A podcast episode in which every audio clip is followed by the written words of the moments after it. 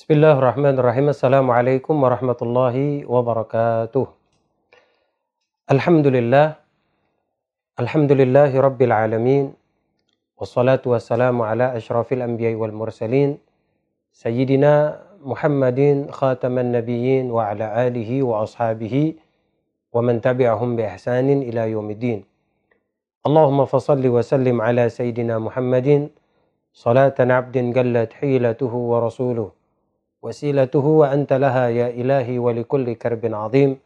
ففرج ما أنا فيه بسر بسم الله الرحمن الرحيم. قال ربي اشرح لي صدري ويسر لي أمري واحلل عقدة من لساني يفقه قولي. أما بعد. Alhamdulillah segala puja serta puji syukur. Marilah selalu kita haturkan kehadirat Allah Subhanahu wa taala.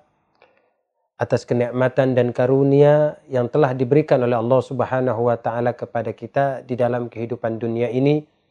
Mulai dari nikmat panjang umur dalam taat kepadanya nikmat diberikannya keberkahan di dalam rizki dan pekerjaan kita nikmat dijadikannya keluarga kita menjadi keluarga yang salihin dan salihat dan kenikmatan di mana kita dijadikan sebagai hamba-hamba Allah yang masih berpegang teguh kepada apa yang Allah Subhanahu wa taala perintahkan kepada kita, berpegang teguh kepada syariat dan sunnah daripada baginda Rasulullah sallallahu alaihi wasallam serta memelihara dan menjaga diri kita untuk tidak melakukan apa yang dilarang oleh Allah Subhanahu wa taala.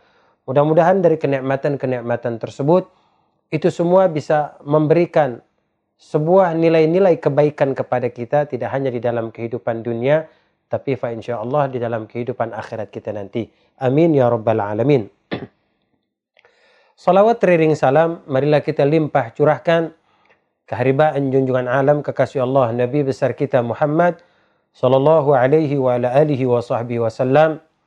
Mudah-mudahan dengan Allah Subhanahu wa taala menjadikan kita sebagai orang-orang yang berjalan di atas syariat dan sunnah beliau kita memiliki harapan yang begitu besar kepada Allah Subhanahu wa taala agar Allah Subhanahu wa taala dapat mengumpulkan kita, dapat menyatukan kita bersama baginda Nabi besar kita Muhammad sallallahu alaihi wasallam di yaumil mahsyar nanti dan mudah-mudahan Allah tidak haramkan diri kita untuk dapat bisa menatap melihat daripada wajah mulia baginda Nabi besar kita Muhammad sallallahu alaihi wa ala alihi wasallam. Baik para pemirsa yang dimuliakan oleh Allah Subhanahu wa taala, Kembali kita akan melanjutkan daripada pelajaran kita di mana pada tayangan yang lalu kita memulai sedikit daripada membahas tentang beberapa hal-hal yang disunnahkan di dalam berwudu. Setelah kita menyelesaikan daripada rukun-rukun di dalam berwudu, sekarang kita akan memberikan sebuah sedikit keterangan tentang hal-hal yang terkait di dalam berwudu yang ini merupakan bahagian daripada apa yang disunnahkan bagi kita ketika kita berwudu. Salah satu hal yang disunnahkan ketika kita berwudu selain kita mengucapkan kalimat ta'awud, selain kita mengucapkan kalimat yang di mana kalimat tersebut adalah memohon perlindungan atas diri kita daripada godaan syaitan di dalam setiap pekerjaan apa pun yang kita lakukan terutama di dalam ibadah yang kita lakukan agar Allah Subhanahu wa taala menjaga kita, memelihara kita daripada tipu daya yang disebabkan oleh iblis dan bala tentaranya yang pada akhirnya akan merusak sedikit demi sedikit daripada tatanan ibadah yang kita lakukan. Nah, selain itu pula disunnahkan bagi kita setelah kita membaca daripada kalimat ta'awud dalam bentuk kalimat a'udzu billahi minasyaitonir rajim maka disunnahkan setelahnya an ya'tiya bi ta'awudi qabla basmalah. Gitu ya. Jadi sebelum kita membaca kalimat bismillah di sini disunnahkan bagi kita untuk membaca kalimat ta'awud terlebih dahulu. Jadi setelah kita mengucapkan kalimat ta'awud kemudian kita lanjutkan dengan kalimat bismillahirrahmanirrahim dan kemudian juga disunnahkan an ya'tiya bidzikri ba'daha dengan kita membaca zikir setelah kita mengucapkan kalimat ta'awud dan kalimat bismillah. Seperti zikir-zikir yang umumnya kita baca ketika kita akan berwudu pada kalimat alhamdulillahi alal islami wa ni'matih Alhamdulillahilladzi ja'alal ma'a tahura wal islami nura. Rabbi a'udzu bika min hamazati syayatin wa a'udzu bika rabbi an yahdurun. Yang di mana di antara zikir yang kita baca ini intinya adalah kita bersyukur kepada Allah Subhanahu wa taala dengan memuji Allah Subhanahu wa taala atas kenikmatan Islam yang Allah telah jadikan kepada kita, atas pemberian Allah Subhanahu wa taala kepada kita dengan Allah memberikan air yang begitu suci kepada diri kita dan agama Islam yang dipenuhi dengan cahaya kebaikan kepada diri kita dan sekaligus pula kita meminta perlindungan kepada Allah agar Allah menjaga diri kita, memelihara diri kita daripada syaitan dan bala tentaranya. Kemudian wasunnah an ya'tiya bi basmalati magrunatan bin niyati ma'a ghasli awwalil kafain. Dan disunnahkan juga eh, ketika kita mengucapkan kalimat bismillah pada saat kita memulai wudhu itu magrunatan bin niyah yang di mana itu dibarengi dengan niat yang kita hadirkan di dalam hati kita. Jadi lisan kita mengucapkan kalimat bismillah, kemudian hati kita menghadirkan niat di dalam berwudu ma'a ghuslu awwalul kafain dan sekaligus pula mencuci daripada kedua telapak tangan kita. Lisan, ya, jadi lisan mengucapkan kalimat bismillah, kemudian hati menghadirkan niat. Ya, niatnya itu adalah niat sunnah. Ya, niat untuk melakukan hal-hal yang disunnahkan di dalam berwudu. Kemudian anggota tubuh kita, ya kedua tangan kita ini kita cuci sambil kita menghadirkan niat dan mengucapkan kalimat Bismillah. Fayanwiya biqalbihi fi'li sunanil wudu ma'a kaunihi atiyan bi basmalati ma'a fi'lihi. Jadi kita berniat dengan hati kita ya, berniat ini adalah niat untuk melakukan sunnah-sunnah yang ada di dalam berwudu. Eh, karena niat untuk melakukan perkara yang disunnahkan di dalam berwudu, yang di mana niat tersebut kita lakukan ketika kita memulai daripada wudhu kita pada saat kita mencuci kedua telapak tangan kita. Sedangkan niat yang wajib, niat yang harus kita hadirkan di dalam berwudu adalah pada saat kita membasuh wajah kita. Nah, jadi tempat bagi kita untuk menghadirkan niat yang wajib dan niat yang sunnah itu berbeda. Ini yang harus kita pahami.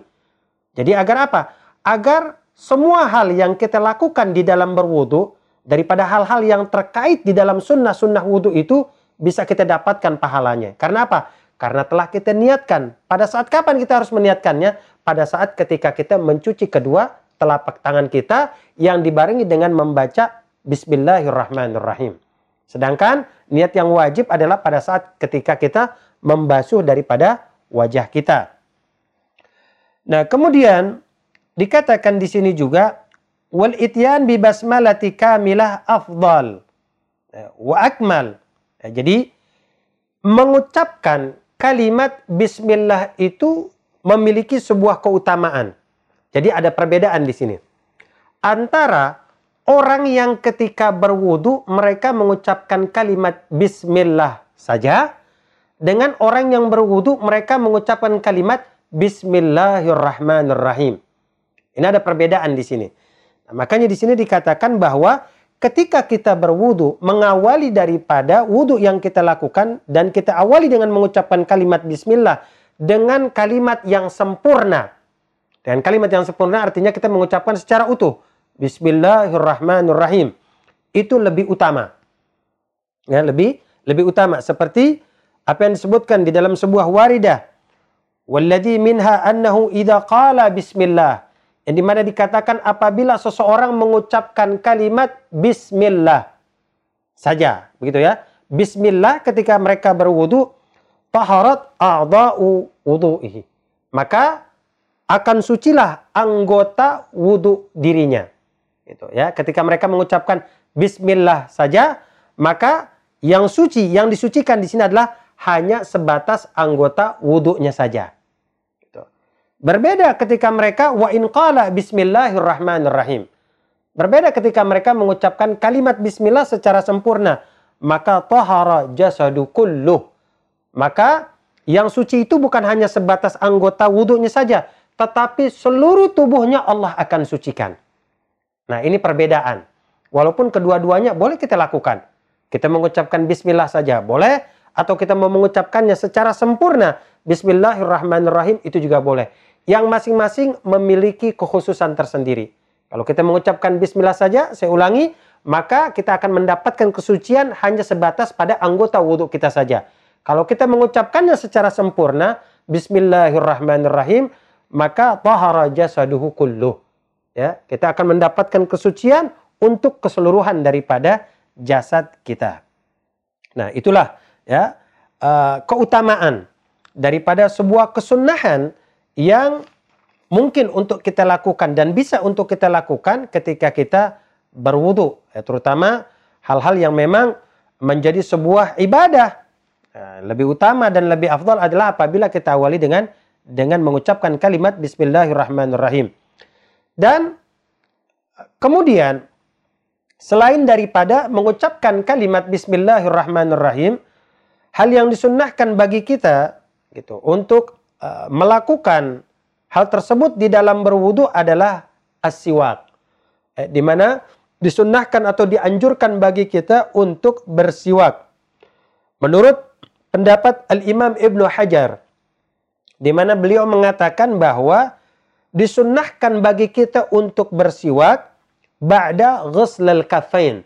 Jadi setelah kita mencuci kedua telapak tangan kita yang dibarengi dengan niat yang kita hadirkan di dalam hati kita untuk melakukan sunnah-sunnah di dalam berwudu, setelah itu barulah kita bersiwak. Jadi setelah mencuci kedua tangan, barulah kita ber bersiwak. Nah ini menurut pendapat Al-Imam Ibnu Hajar. Dan Pendapat-pendapat yang lainnya daripada ulama-ulama para fukaha mengatakan qabla tasmiyah. Jadi pendapat yang lain mengatakan disunnahkan bagi kita untuk bersiwak adalah sebelum kita mengucapkan kalimat bismillah. Itu. Jadi sebelum kita memulai daripada rangkaian wudhu yang akan kita lakukan disunnahkan untuk terlebih dahulu bersiwak.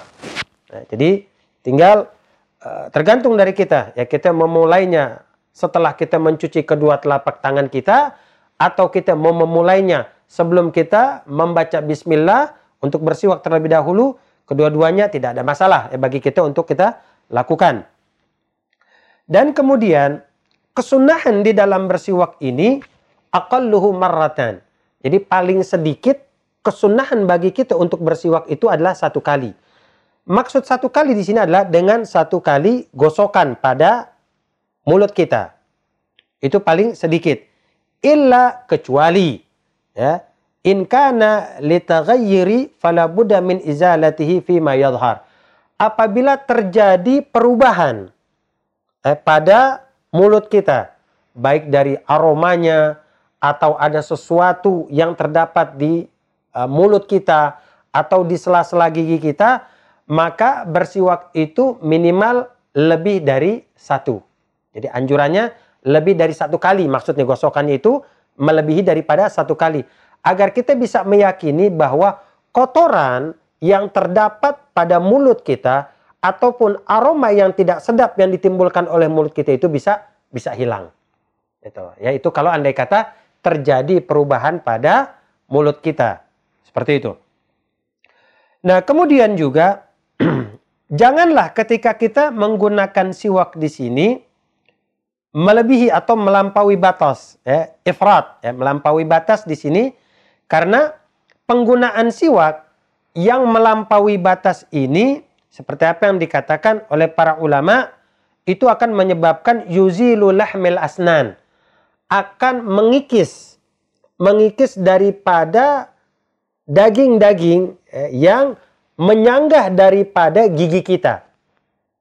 Ya, gusi-gusi kita nih akan terkikis apabila kita menggunakan siwak secara efrat. Efrat di sini maksudnya melampaui batas, berlebihan. Ya, artinya siwak itu nggak pernah kita lepas dari mulut kita. Ke mana-mana tuh siwak nempel di mulut kita. Nah itu merupakan satu hal yang berlebihan pada akhirnya yang uh, kemudian akan menimbulkan efek yang tidak baik pada mulut kita. dan pada akhirnya akan menimbulkan penyakit.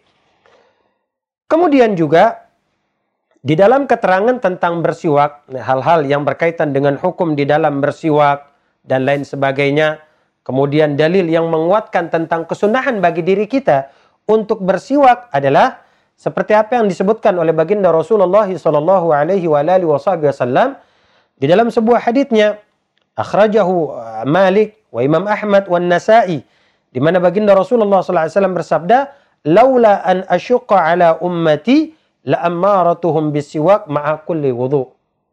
Rasulullah SAW bersabda, laula an asyqa ala ummati. Kalaulah perkara ini ya, tidak memberatkan daripada umatku, kata baginda Rasulullah, la ammaratuhum bisiwak. Maka aku akan memerintahkan kepada mereka untuk apa? Bersiwak ma'a kulli wudu. Setiap kali mereka berwudu.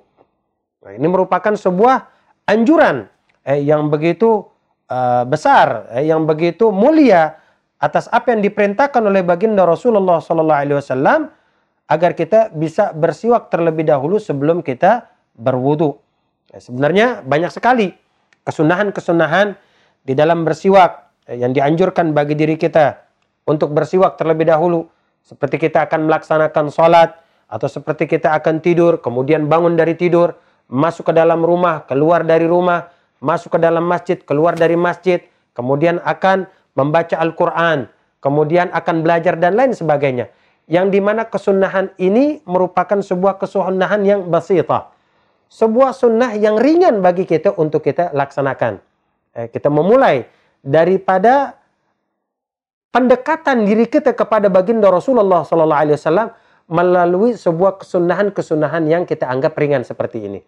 Eh, kalau kita biasakan hal-hal seperti ini, insya Allah pada waktunya ketika kita melakukan sebuah kesunahan yang lebih besar, yang lebih berat, itu tidak akan memberatkan diri kita pada akhirnya. Nah, kemudian juga uh, yang menjadi sebuah anjuran eh, pada saat ketika kita bersiwak dan ini merupakan sebuah kaifiyah, lebih dikatakan sebagai sebuah kaifiyah yang benar, sebuah cara yang benar bagi kita untuk bersiwak. Dikatakan ketika kita akan bersiwak, nah, disunnahkan di sini bala'rik waktu wada'a siwak fil fam. Di mana kita membasahi daripada ujung siwak kita nih ya, dengan apa? Dengan air liur kita. Jadi kita basahi, kita masukkan siwak ke dalam mulut kita. Kita basahi seperti itu.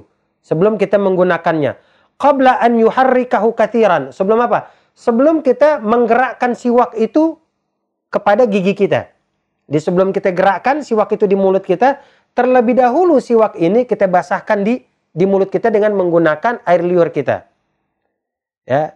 Eh, Lama kila seperti ada pendapat yang mengatakan bahwa inna dalika aman minad judami wal baras. Sesungguhnya apabila hal seperti itu dilakukan oleh kita, Sebelum kita bersiwak, kita membasahi siwak itu dengan apa? Dengan air liur kita, maka kita akan mendapatkan keamanan. Kita akan mendapatkan perlindungan dari yang namanya penyakit kebelangan pada kulit. Itu salah satu manfaat yang bisa kita dapatkan daripada kaifiah tata, ber, tata cara bersiwak dengan baik dan benar. Bel kulluda bahkan dikatakan dari semua penyakit tidak hanya sebatas penyakit kebelangan saja. Dari semua penyakit, illal maut, kecuali kematian. Tuh, ketika kita membiasakan menggunakan siwak, kita basahi terlebih dahulu siwak kita dengan menggunakan air liur, maka itu akan menjaga kita, melindungi kita daripada yang namanya semua penyakit. Illal maut, kecuali yang namanya kemati, kematian. Bahkan, dengan kematian, ketika kematian tersebut itu datang, dan kemudian kita awali dengan bersiwak pada saat ruh kita akan dicabut, dengan bersiwak maka kita akan dipermudah pada saat ruh kita dicabut oleh Allah Subhanahu wa taala. Dan dengan bersiwak juga akan memudahkan lisan kita untuk mengucapkan kalimat la ilaha illallah pada saat ruh kita akan dicabut oleh Allah Subhanahu wa taala. Nah, ini manfaat, keutamaan daripada bersiwak yang bisa kita dapatkan. Kemudian kita kembali kepada kaifiah, kepada cara bagaimana kita mempergunakan siwak wala yabla'u rikuhu ba'da tahrikuhu kathiran. Nah, jadi setelah kita menggosokkan siwak ini ke gigi-gigi kita, ya, kemudian janganlah kita menelan. Jadi setelah kita gosokkan, jangan kita telan lagi tuh air liur yang menempel atau bekas apa pun yang menempel pada siwak kita. Ya, wala yabla'urikuhu dan janganlah menelan daripada riknya air liur yang menempel pada siwak kita setelah kita gosokkan pada pada gigi kita lama kila karena ada pendapat yang mengatakan innahu yurithul waswas. Karena hal tersebut apabila dilakukan akan menyebabkan rasa was-was di dalam diri kita. Itu ya. Was-was akan hal apa? Ya akan hal apa saja. Itu was-was ketika kita berada di dalam salat, was-was ketika kita berwudu, was-was ketika kita melakukan ibadah yang di mana ada kesulitan bagi diri kita untuk menghadirkan hati di dalam beribadah, di dalam uh, melakukan kehusyuan pada saat kita beribadah. Nah, tersebab salah satunya adalah di mana kita menelan kembali air liur yang menempel pada siwak kita setelah kita ber, bersiwak. Gitu. Dan juga salah satu hal yang dimakruhkan, eh, salah satu hal yang dimakruhkan di dalam penggunaan siwak di sini adalah wa yukrahu ziyadah siwak ala shibrin jadi dimakruhkan bagi kita untuk menggunakan siwak itu melebihi daripada satu jengkal. Gitu. Jadi kalau penggunaan siwak lebih dari satu jengkal gitu. Misalnya melebihi satu jengkal. Nah itu hukumnya makruh. Gitu ya. Kenapa makruh? Di sini dikatakan lamma inna syaitan yarkabu ala zaid. Kalau andai kata ada lebihnya, misalnya nih lebih setengah, lebih segini. Dikatakan ada pendapat yang mengatakan inna syaitan bahwa syaitan sesungguhnya syaitan itu yarkabu ala zaid itu menunggangi daripada siwak yang lebihnya itu tadi itu. Syaitan berdiam di mana? Di siwak yang yang lebih tadi. Makanya usahakan kalau kita menggunakan siwak jangan kurang dari satu eh jangan lebih daripada satu satu jengkal. Seperti itu karena hukumnya mah makruh.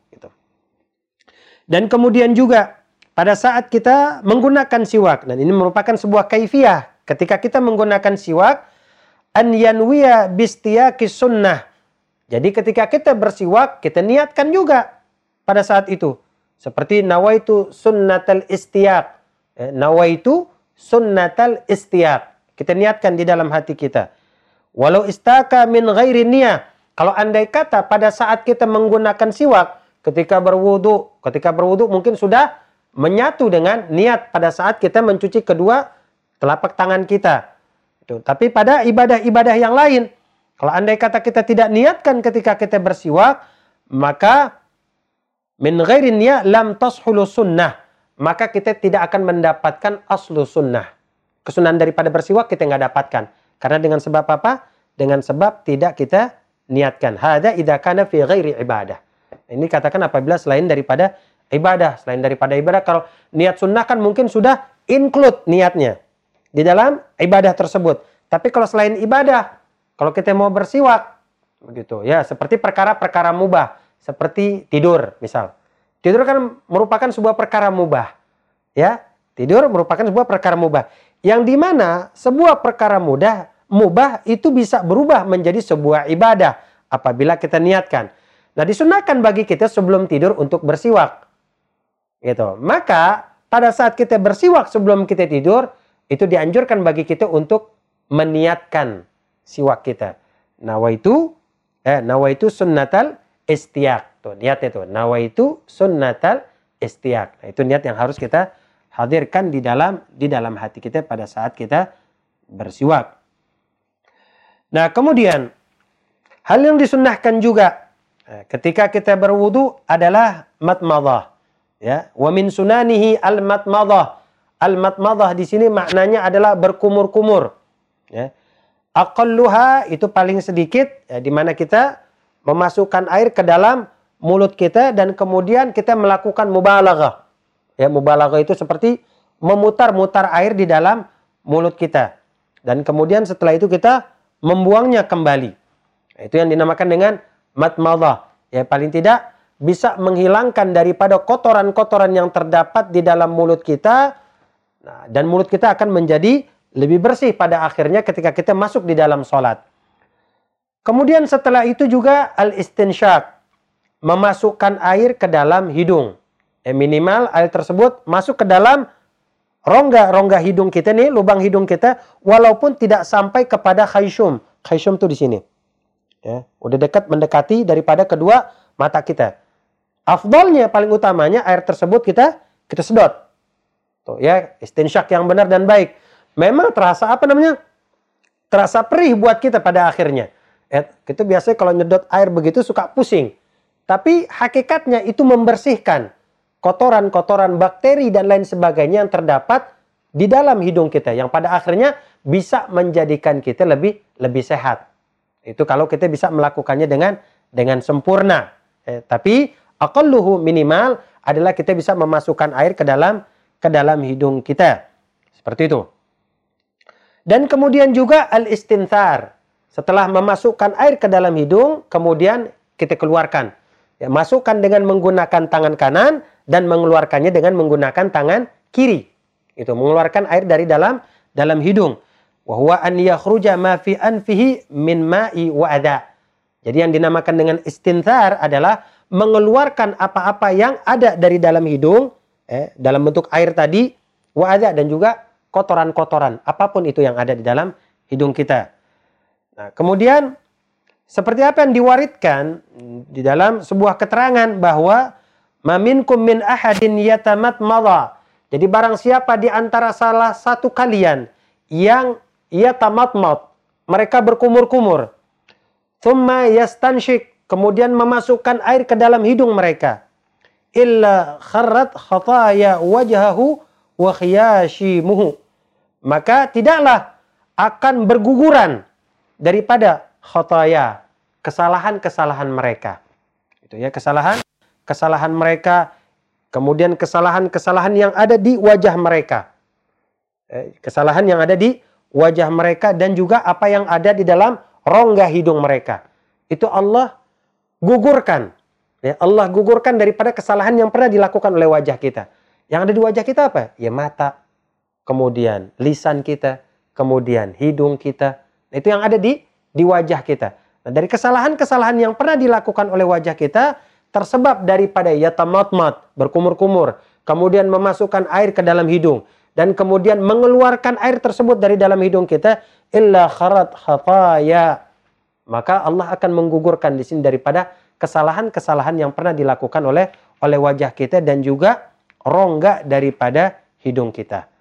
Nah, ini merupakan awal daripada hal-hal yang disunnahkan eh, di dalam uh, berwudu. Nanti insya Allah di dalam tayangan-tayangan berikutnya kita akan membahas eh, hal-hal uh, yang lain yang berkaitan dengan apa yang disunnahkan di dalam berwudu. Ya, karena kalau kita mau mempelajari uh, lebih luas lagi tentang hal-hal yang disunnahkan di dalam berwudu itu sangatlah banyak. Yang di mana kalau kita bisa berpegang kepada sunnah-sunnah tersebut, paling tidak itu bisa menyempurnakan, menutupi daripada kekurangan-kekurangan ibadah-ibadah wajib yang kita lakukan apalagi ketika kita berwudu.